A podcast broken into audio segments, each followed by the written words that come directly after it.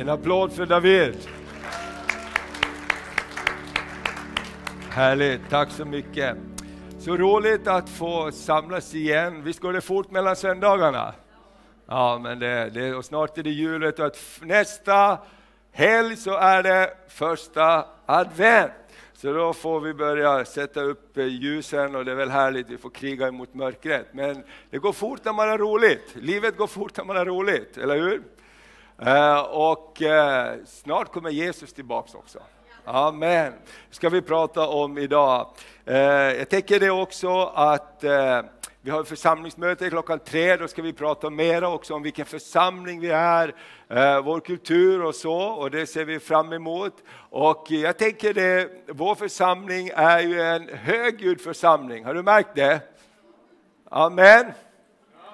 Amen, det är bra. Och, och eh, det är underbart att vi får säga halleluja och amen. För att det finns någonting som vill stjäla passionen, lovsången, eh, det här högljudda ifrån oss faktiskt. Det pågår hela tiden, har du märkt det? Och jag tänkte på det i torsdags här så talade vi om kung David som slog, eller han var inte kung då, men David som slog Goliat och en av belöningarna var att han skulle få kungens dotter till fru.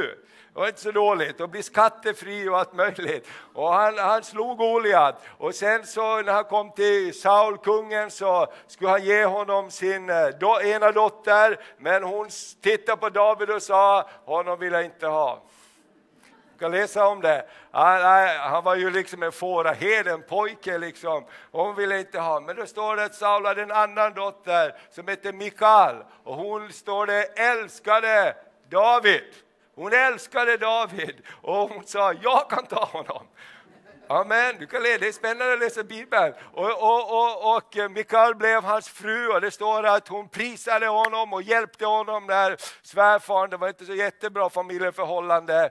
Om man säger att jag ska gå på kaffe till svärfar, svärd kommer slängande, han, han var rädd för att dö. Och, och, och, och, så står det att en dag, en kväll, för att Saul skulle ta livet av David så släppte Mikael ut henne, eh, genom, honom genom fönstret, han skulle bli räddad och han blev räddad. Du känner till den här storyn kanske. Och så går det ungefär 20 år och David han lever i grottan och han blir en, en, en kung så småningom. Och, och så står det att de ska ta arken tillbaks till Jerusalem. Det har gått ungefär 20 år mellan de här situationerna. Och det står det att när David kommer in med arken och allt folket så dansar han med all makt.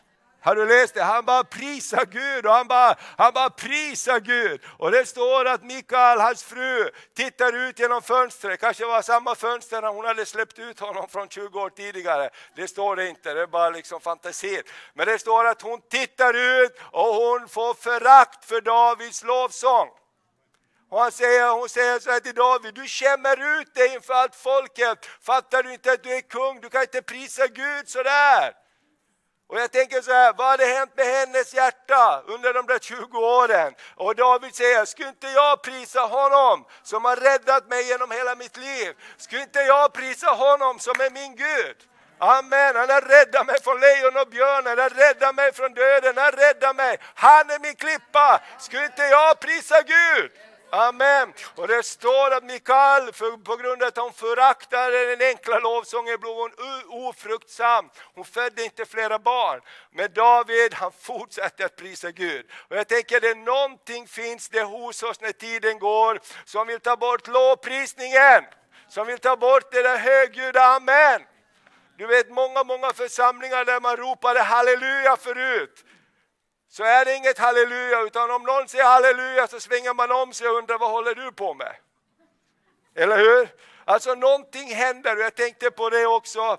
Vi var för, för ett tag sedan um, i en församling här och betjänade. Det var en underbar kväll och så mot, mot avslutningen frågade vi hur många vill ha förbön här den här kvällen. Vi har en lovsång och förbönsgudstjänst och vi är här för att prisa Gud och betjäna er. Det var ingen som räckte upp handen. Och jag tänkte pastorn har ju kallat hit oss för att vi ska be för folk. Och så frågade jag hur många vill inte ha förbön? Ingen räckte upp handen. Så då sa vi, nu prisar vi Gud och så går vi runt här och så ber vi för er. Det slutar med att alla ville ha förbön. Men någonting i det här som är runt omkring oss, det bara tar frimodigheten ifrån oss. Egentligen skulle alla med samma sak, ja be för mig. För alla önskar förbön och vi vill, alltid, vi vill alla ha förbön och behöver det. Men någonting i klimatet runt omkring oss vill ta bort frimodigheten. Och jag tänker den här församlingen är född i frimodighet. Den här församlingen är född högljudd. Och så länge jag är här så kommer den att förbli högljudd. Oh! Amen, amen. Prisat vare Herrens namn. Därför jag känner det så många gånger i mitt eget liv. Det finns bara omständigheter, grejer som tunga filtar kan fällas över en och bara ta bort den här frimodigheten och glädjen. Att lyfta händerna och prisa Gud. Och vi måste alltid kriga mot det. Jag vill inte sluta som Mikael som tittar ut genom fönstret. Vi har fått det bra nu. Håll inte på så där längre. Vi är, vi är liksom mogna nu. Nej, jag vill vara som David som dansar inför Herren. Amen. Och prisa Gud för han räddar oss, han räddar oss, han räddar oss. Amen. Prisat vare Herrens namn. Amen. Så när, på församlingsmöte klockan tre ska jag inleda, ska jag lista upp lite mera grejer, så missa inte det. Nu ska vi gå till predikan, vi ska tala om tillväxt och betjänande. Men innan det så vill jag säga någonting som vi ska göra under eh, december månad, eller från, de här, från nästa helg när det är första advent. Du kan ta fram nästa bild där. Vi ska hjälpa till med Ukraina.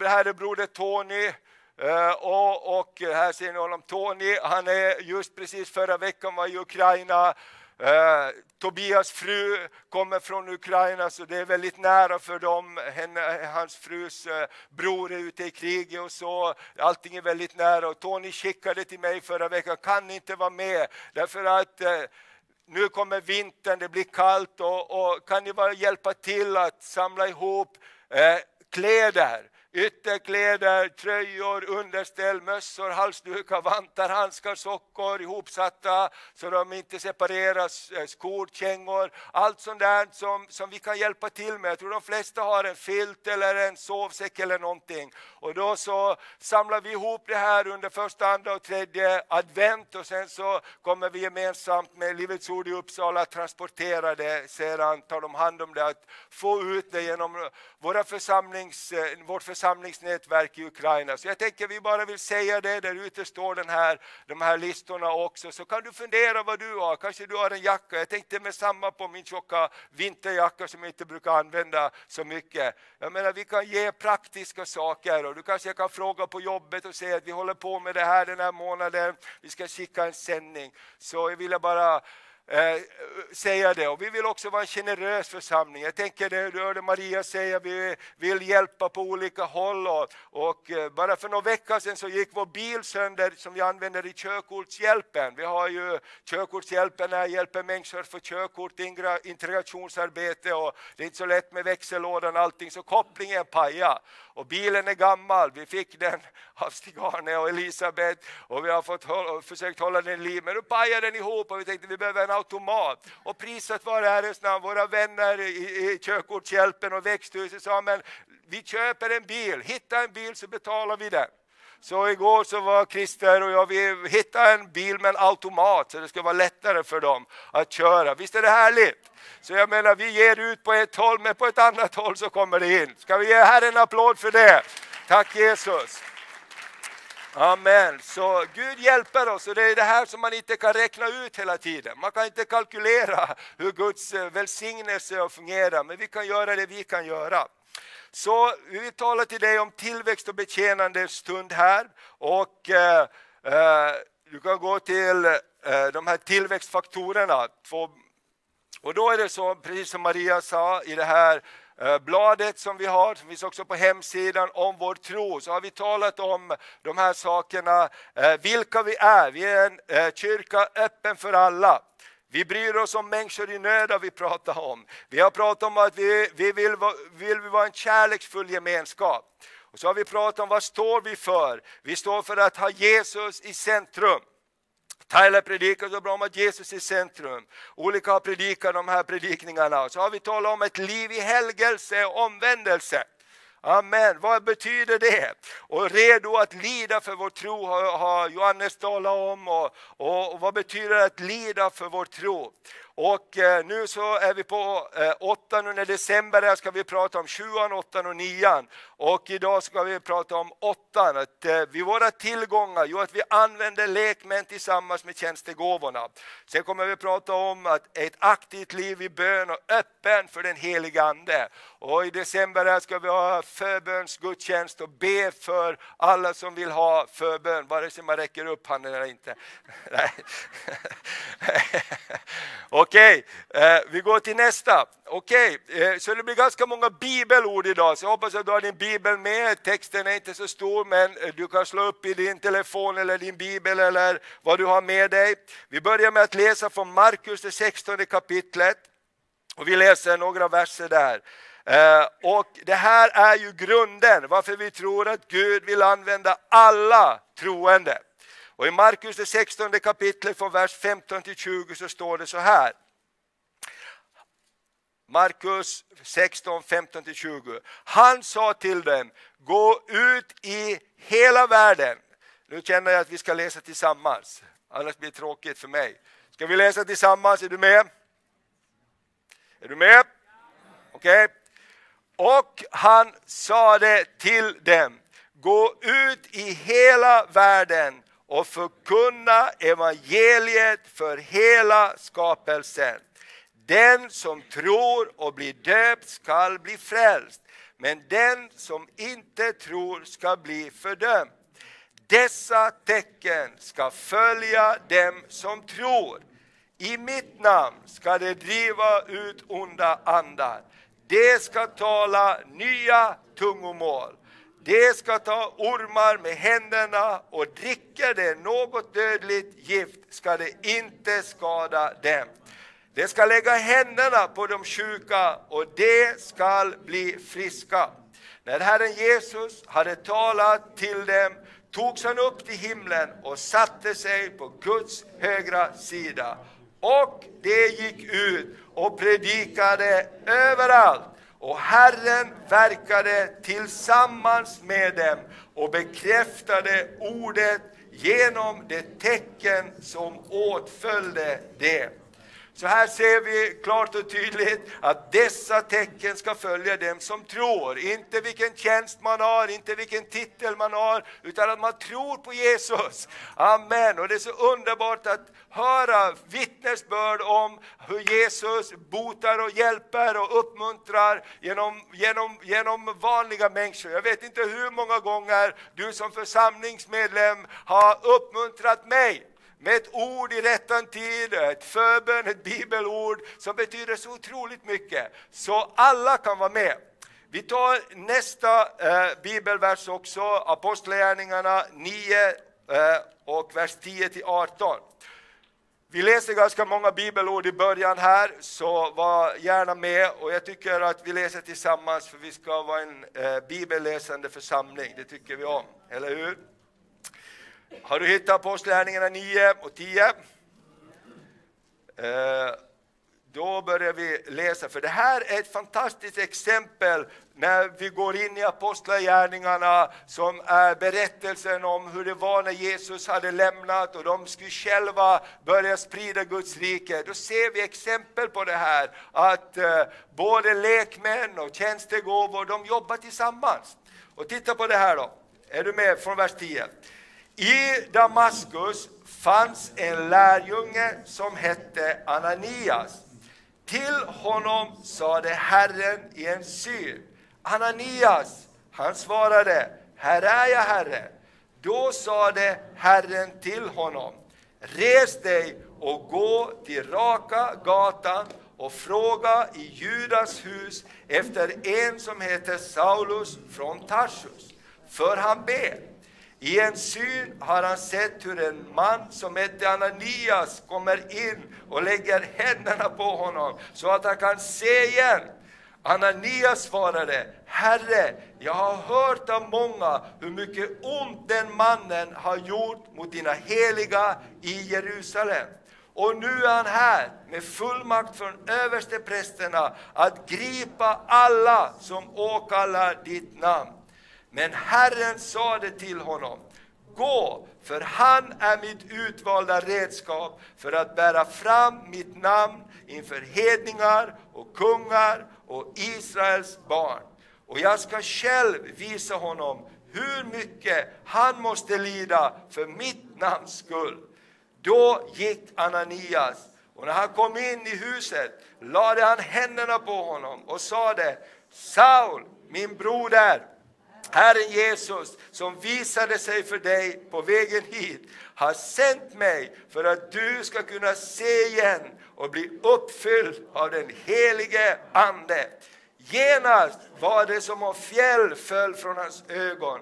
Han fick tillbaka sin syn och han reste sig och blev döpt.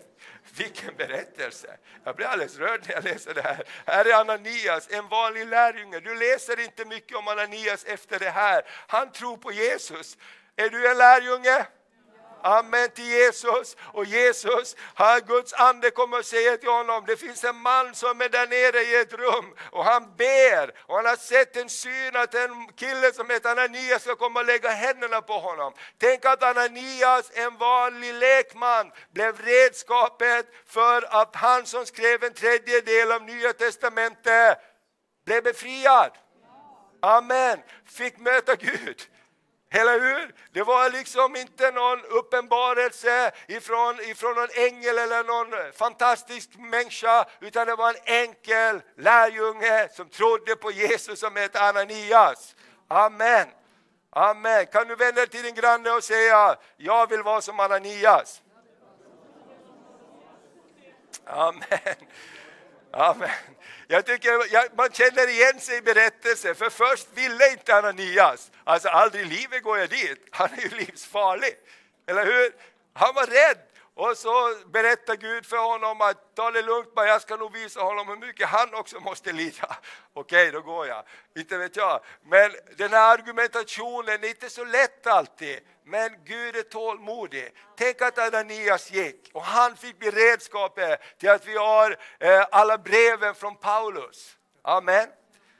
Går vi vidare till nästa. Eh, det här är också Apostlagärningarna.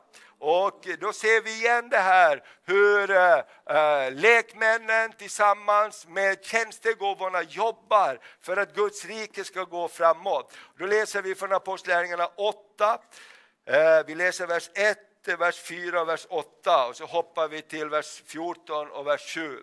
Du kan se det där. Så läser vi tillsammans också. Jag tänker det här är också Någonting helt fantastiskt hur det går som en röd tråd när Guds rike bryter fram. Lekmännen tillsammans med tjänstegåvorna. Är du redo? Samma dag utbröt en svår förföljelse mot församlingen i Jerusalem och alla utom apostlarna skingrades över Judeen och Samarien. Det som nu hade skingrats gick från plats till plats och förkunnade evangeliet. Filippus kom ner till staden Samaria och predikade Kristus för folket där. De lyssnade alla noga till det som Filippus förkunnade när de hörde och såg de tecken han gjorde. Från många som hade orena andar for dessa ut med höga rop och många lama och halta blev botade och det blev stor glädje i den staden. Vi kommer att komma tillbaks till Filippus i, i, i, på nästa bild så ska du få se att han var en av dem som delade ut mat i kyrkan. Han var ingen apostel. För de blev kvar i stan. Men vad händer när allt det här händer? Han gick ut och predikade evangelium och det började hända underbara saker. Och vet du vad, jag, jag, tänker på det också, den historia som vi är en del av, trosrörelsen Livets Ord, när de här unga männen och kvinnorna åkte ut på missionsfältet. Eh, vi bodde i Finland och ofta de som åkte till Ryssland kom förbi oss där vi bodde och ibland så lastade de om sina bilar och så, och så drog de in och de var inte så gamla och de hade inte så stor erfarenhet men de hade brinnande hjärta för att predika evangeliet om Jesus Kristus. Och jag tänker på det själv, jag kommer ihåg när, när vi var ute, när jag var ung och, och, och predikade tillsammans med team när vi åkte ut från bibelskolan. Kommer ihåg i Finland en gång så hade vi möte och vi sa, vill du bli botad så vill vi be för dig. Kanske det är någon där med kort ben så kan ditt ben växa ut, för vi hade sett det och hade hört att det gjorde det. Jag kommer ihåg vi bad för en, vi tog upp en, på en kvinna på en stol där och så bad vi för henne för hon hade väldigt liksom, tydligt eh, skillnad, så hon har problem med ryggen. Och vi bad. Jag kommer ihåg eh, min kompis där och vi bad Jesu namn. Vi började tala till det där benet växa ut och bli, bli lika långt som det andra. Och så började benet växa ut. Men vet du vad som hände? Det slutade inte växa. Det blev för långt åt andra hållet. Och så, Gud, vad ska vi göra?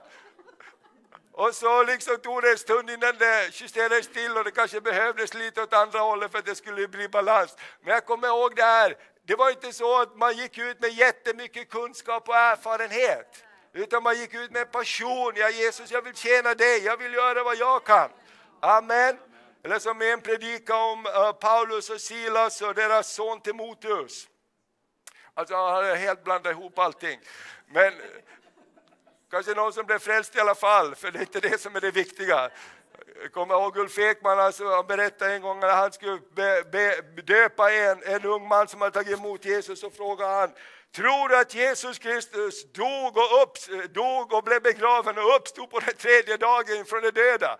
Jag sa, Ingen aning, sa han. Ja, för mig spelar det ingen roll, sa han, om det var andra eller fjärde dagen. Jag vill bara, jag tror på Jesus, sa han. Och då sa han, jag tänkte, vilken dum fråga egentligen. Vad spelar det för roll för den här människan som just har tagit emot Jesus? Eller hur? Och ibland så krånglar vi till det. Men det finns den här passionen. Och, och, och, och sen så ser vi hur den första församlingen här i Apostlagärningarna, om vi går tillbaks till, kapi- om vi går till, tillbaks till texten här, kapitel 8, vers 14 till 17. När apostlarna, i, ska vi läsa tillsammans? Du kommer ihåg att apostlarna blev kvar i Jerusalem och de gick ut och sen när apostlarna i Jerusalem fick höra att Samarien hade tagit emot Guds ord sände de dit Petrus och Johannes. Dessa kom ner och bad för dem att de skulle få den helige Ande eftersom anden ännu inte hade fallit över någon av dem. Det var bara döpta i Herren Jesu namn. Apostlarna lade då händerna på dem och de tog emot den helige Ande.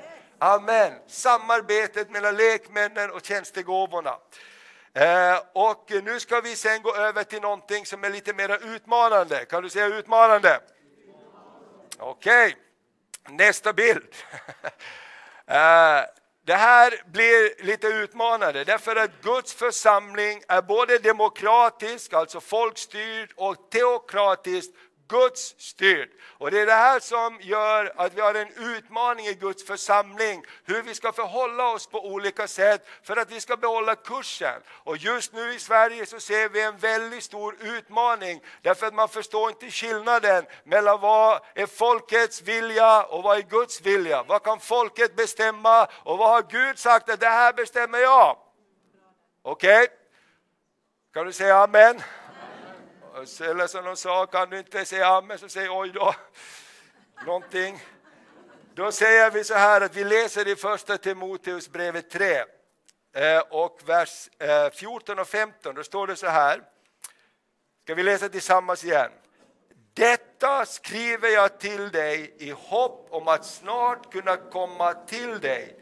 Men om jag dröjer vill jag att du ska veta hur man bör bete sig i Guds hus som är den levande Gudens församling, sanningens pelare och grundval. Ska vi läsa en gång till? Detta skriver jag till dig i hopp om att snart komma till dig. Men om jag dröjer vill jag att du ska veta hur man bör bete sig i Guds hus som är den levande Gudens församling, sanningens pelare och grundval. Så här så säger Bibeln att församlingen är den levande Gudens församling. Jesus säger också i, i, i, i skriften att eh, han är hörnstenen, han är huvudet för sin församling. Amen. Han är hörnstenen, han är huvudet för sin församling. Därför är det Guds församling och det är därför församlingen har överlevt i många tusen år. Trots att det har varit väldiga utmaningar genom historien så har Guds församling kommit igenom. Och det har varit, om du läser kyrkohistoria, massor av tokigheter som har hänt. Men det har alltid funnits en skara som har ropat efter Gud som har ropat efter Gud. Gud har alltid kommit i de mest oväntade situationerna. Även om situationen i samhället har varit helt crazy så har Gud kommit till dem som ropar efter honom. Och det kan vi se i kyrkohistorien, gå inte in där, men jag bara tänker på det som vi kallar den andra utgjutelsen av den helige Ande på Azusa Street i, i Los Angeles. Där sitter Simon, han är, han, är, han är färgad så han får inte vara inne på bibelstudiet med de andra. Han får inte vara inne på bönemötet med de andra, men han sitter med dörren öppen och han lyssnar på budskapet och bönerna och de ber och ropar om den helige Andes uppfyllande. Vet du vad Gud gör? Han är inte begränsad av ett rum. Amen, men helig ande föll över dem och över Simon som satt på utsidan. Och det blev liksom en brytpunkt som sa, nej men vi är inte olika. Det handlar inte om vilken färg du har. Det handlar om vilket hjärta du har. Men tänk att hela samhället var segregerat så man inte fick vara tillsammans. För att man hade olika färg och allt det här. Men Gud är alltid större än det. Och jag tänkte att vi pratar lite om det här, därför det här är också när vi pratar om kultur och struktur väldigt, väldigt viktigt. Att vad är demokratiskt i en församling och vad är teokratiskt i en församling? Och det här, det här, det här är, eh, det är ganska känsligt, men jag tror det är viktigt att vi pratar om det, för annars så, så kan vi hamna väldigt tokigt. Så om vi går till nästa bibelvers som är Apostlagärningarna 6, och det läser ganska mycket ur Apostlagärningarna, för det är det som också är den berättelse vi har om, om hur församlingslivet fungerar och, och växer fram.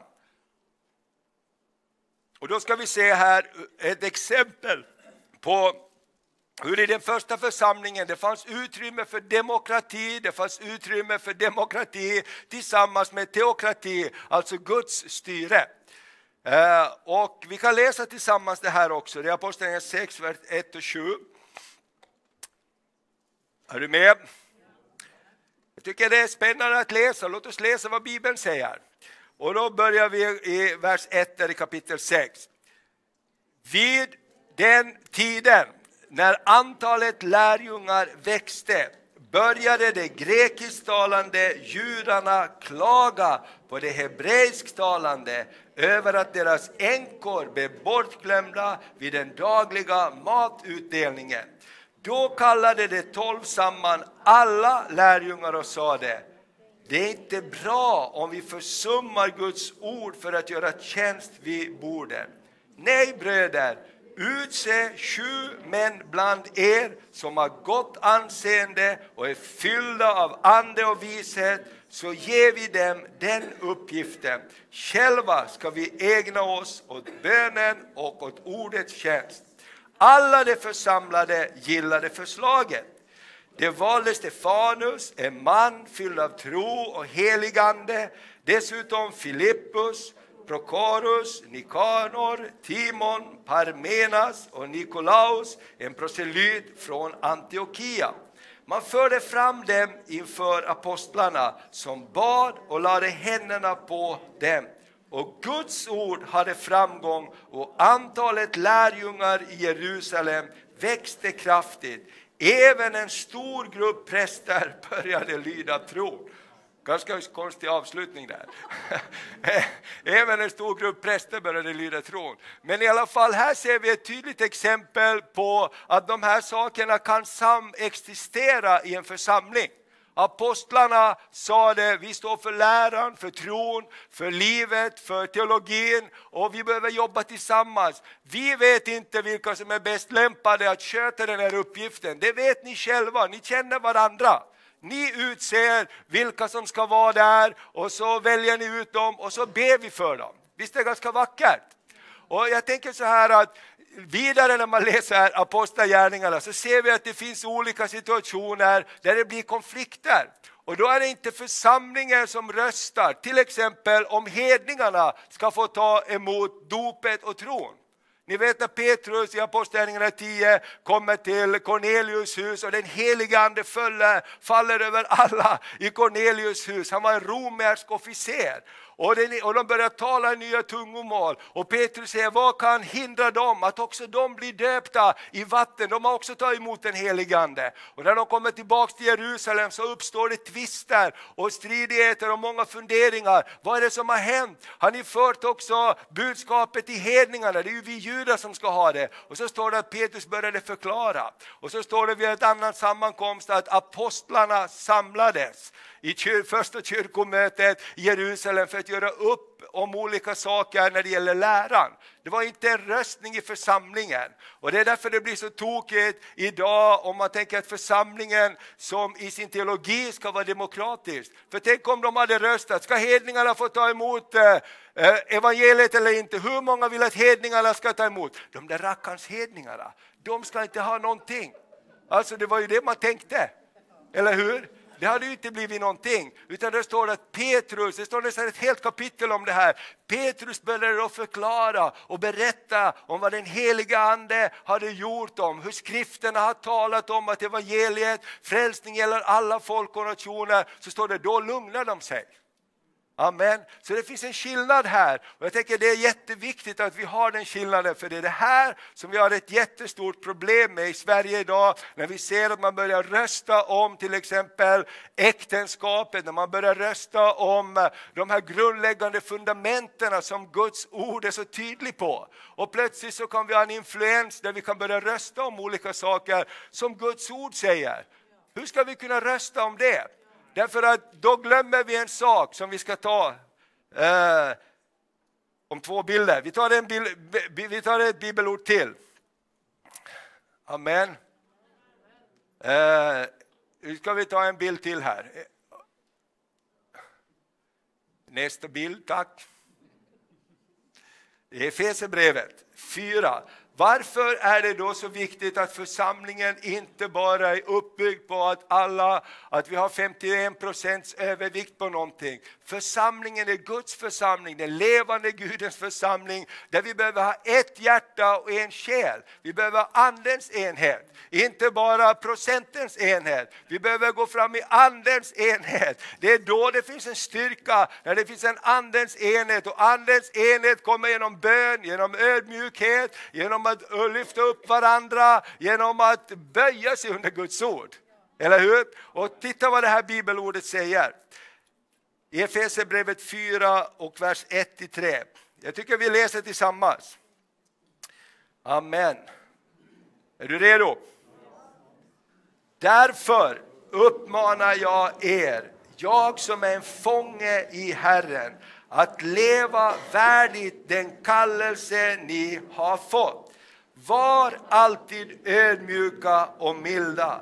Var tålmodiga och överseende med varandra i kärlek. Gör allt ni kan för att bevara Andens enhet genom fridens band. Wow! Ska vi läsa en gång till? Det här är kultur mina vänner.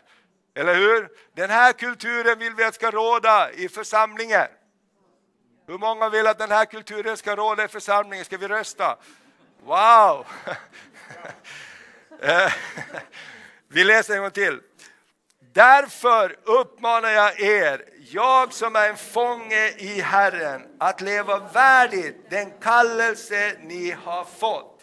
Var alltid ödmjuka och milda, var tålmodiga och överseende med varandra i kärlek.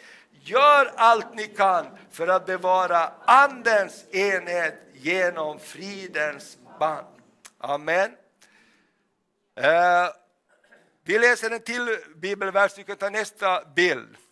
Därför att det här är någonting som händer när vi vill leva på det här sättet. Så står det i Bibeln, och Johannes läste där när vi talar om att vi är en församling som är beredda att lida för vår tro. Om du står för någonting så kommer du också att stå emot någonting. Man brukar säga så här, den som inte står för någonting kan falla för vad som helst. Eller hur? Därför behöver vi stå för någonting, vi behöver ha en grund att stå på som är Guds ord, även om det är obekvämt. Och vi läser det här bibelordet tillsammans också, Andra Timoteus eh, brev 3, vers 12-17. Så kommer alla som vill leva gudfruktigt i Kristus Jesus att bli förföljda. Vilken vers! Ska vi ta den en gång till? Titta på din granne, det här gäller dig. Och vi gillar ju inte det här. Vi, hur många vill bli förföljd? Ingen vill ju bli förföljd. Vi vill inte ens ha smärta. Vi, vi, vi, vi skyr all form av smärta, men vi måste gå igenom smärta och ibland måste vi vara beredda att bli förföljda för vår övertygelse. Vi läser igen från början där och vidare.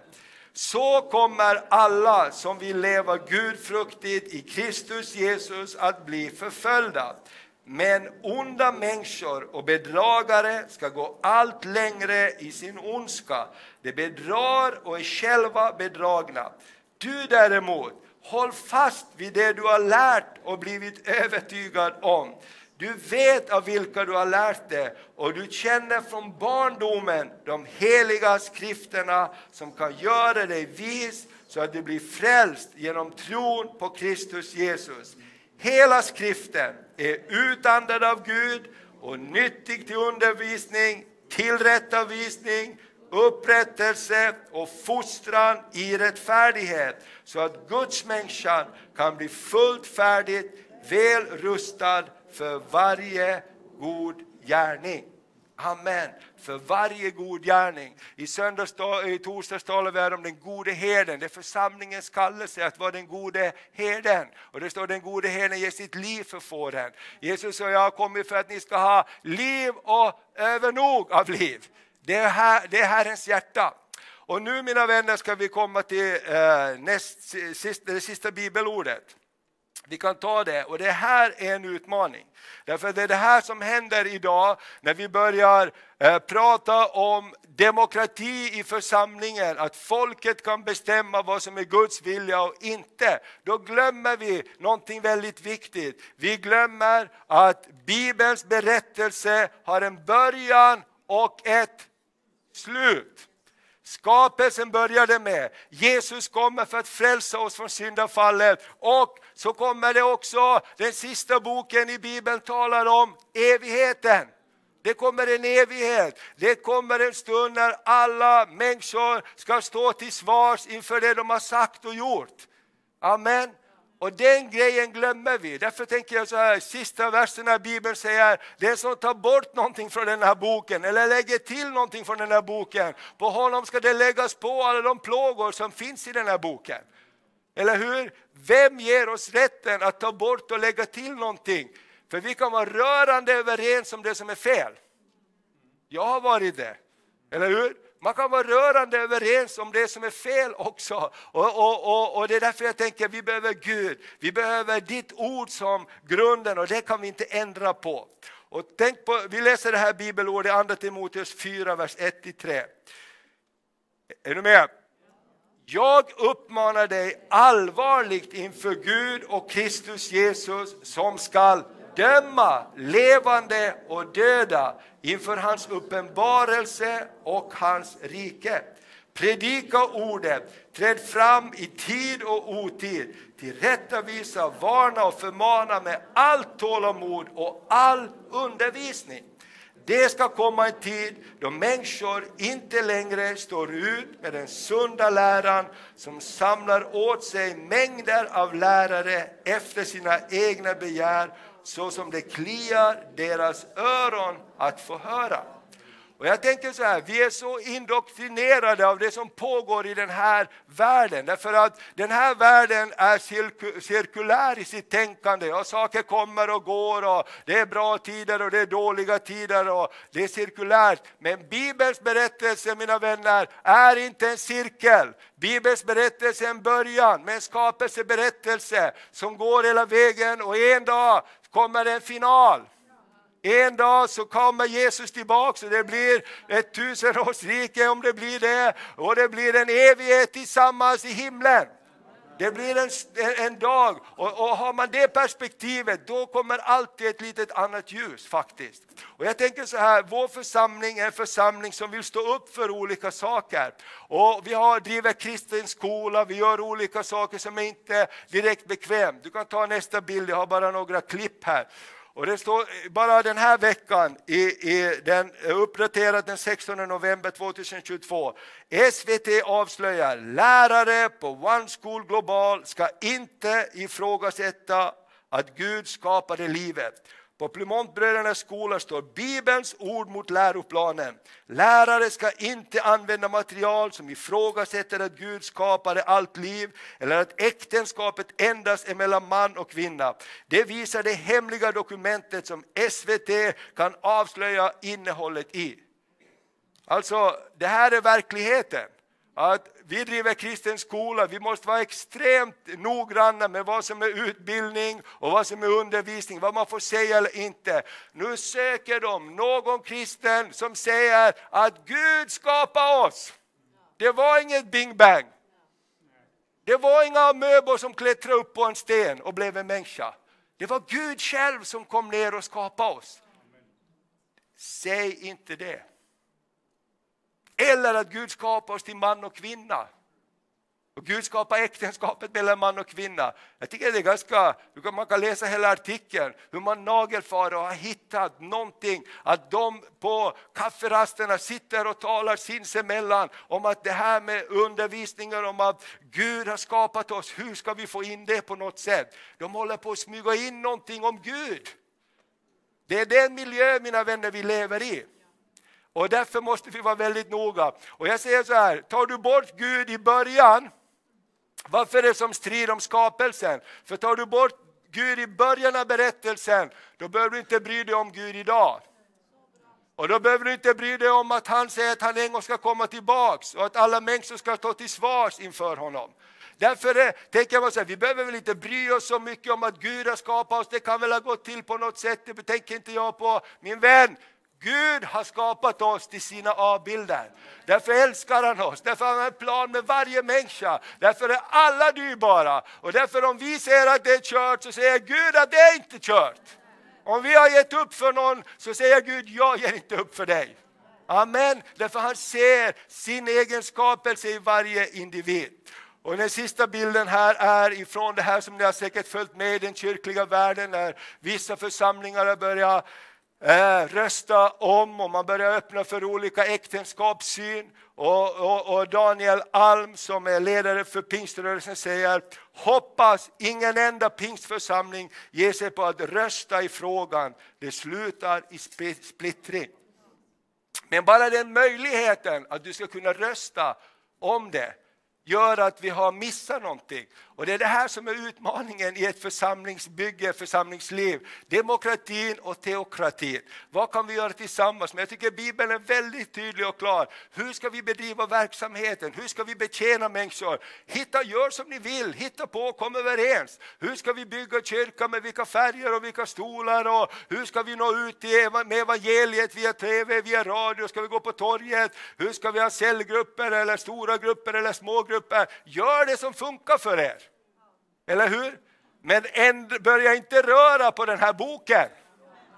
Börja inte röra på den här boken. Amen. Amen.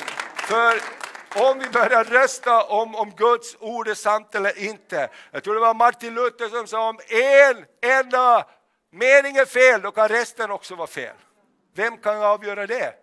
Plötsligt så börjar vi leka att vi har den Eh, platsen. Och det är det här jag tänker mina vänner, när vi pratar om kultur och struktur. Det här måste vi ha med oss hela tiden. Vi, vi har bett till Gud, låt oss ha en plats där den helige Ande får landa. Vi sitter här på Nya Parken, inte för att vi inte hade ett rum att vara i. Vi hade en stor fin kyrka på Brogatan, eller hur? Men vi bad Gud, ge oss en landningsplats för din härlighet. Låt en plats få vara mitt i stan där vi kan möta människor, där din härlighet kan komma. Och Gud gav oss den här platsen platsen. Och jag tänker så här, låt oss aldrig, aldrig, aldrig tystna med att prisa Gud.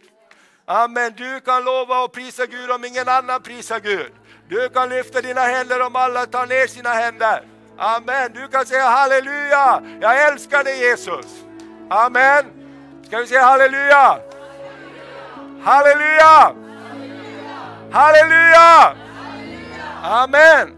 Ska vi ställa oss upp och så var det lite längre predikan men vi avslutar här och så Halleluja, du kommer hit och önskar förbön så har vi bönerummet. Kanske du har sett att det står bönhamn där. Vi har satt upp en massa skyltar. Det är också en sån sak. Vad ska alla rummen heta? Då säger vi, Gud spelar ingen roll för Gud vad de heter, bara det är något bra. Hitta på någonting. Så några hittar på, låt oss ha namnen på de olika öarna och platserna i Höga Kusten. Så bönerummen fick namnet Bönhamn. Såg jag en dag när jag kom. Amen. Och där är Järven och där är Älgön och det har olika namn. Eller hur? Det kan vi hitta på tillsammans. Amen. Tack Jesus. Wow, nu måste vi be. Amen. Herre, vi bara tackar dig för den här dagen. Herre, det här är en viktig dag i församlingens historia också Fader, för vi, vi vet att vi lever i en, i en tid som är, är speciell Herre. Och det är så mycket som trycker på från många håll. Och vi vill bara hitta vägen fram Herre. Vi vill vara en församling där alla får plats, där alla kan vara med. Där både demokrati och teokrati får plats Herre. Där vi hittar vägen framåt, att tillsammans bygga, stötta varandra. Vi ber heligande, kom och hjälp oss så att vi kan ha Andens enhet genom fridens band Herre. Förlåt oss när vi lyfter upp saker som vi inte borde lyfta upp. Förlåt oss när vårt ego får ett för stort utrymme. Och vi ber heligande att du ska få ett större utrymme. Vi ber att du ska bli större Jesus och jag ska bli mindre. Du ska få mera plats Herre. Tack för mirakel som äger rum. Tack Herre för helande som kommer att äga rum på den här platsen. Tack för frälsningsmirakler Herre. Tack Herre bara den här, den här hösten som vi har hört att människor har tänkt ta sitt liv. Men så kom de hit och allting blev förvandlat. De fick ett nytt hopp. Herre, jag bara prisar dig. Åh, vi bara ärar dig. Och Herre, hjälp oss att inte tystna. Hjälp oss att inte bli som Mikael som säger att vi har det ju ganska bra. Varför ska vi hålla på som David? Herre, hjälp oss att vara som David som prisar dig Herre och lovar dig Herre. Åh, vi bara prisar och lovar dig. Hjälp oss att bevara Andens frihet, Andens passion Herre. I Jesu Kristi namn vi ber. I Jesu Kristi namn vi ber. Ska vi bara lägga händerna på varandra där vi står och så kan vi bara be och välsigna varandra. Gud vet vad du behöver. Du har kommit hit med behov idag. Gud vill uppmuntra dig. Gud ger dig fasthet och trygghet i ditt liv. Åh, vi bara prisar dig Fader. Vi bara prisar dig Herre. Kom Herre. Kom och berör Fader. Kom och fyll behov idag. Halleluja. Kom och fyll behov idag. Kom med frihet idag Herre. Jag har predikat ditt ord och du har sagt att du ska stadfästa ditt ord Herre. Med tecken och under. Så jag bara ber Herre.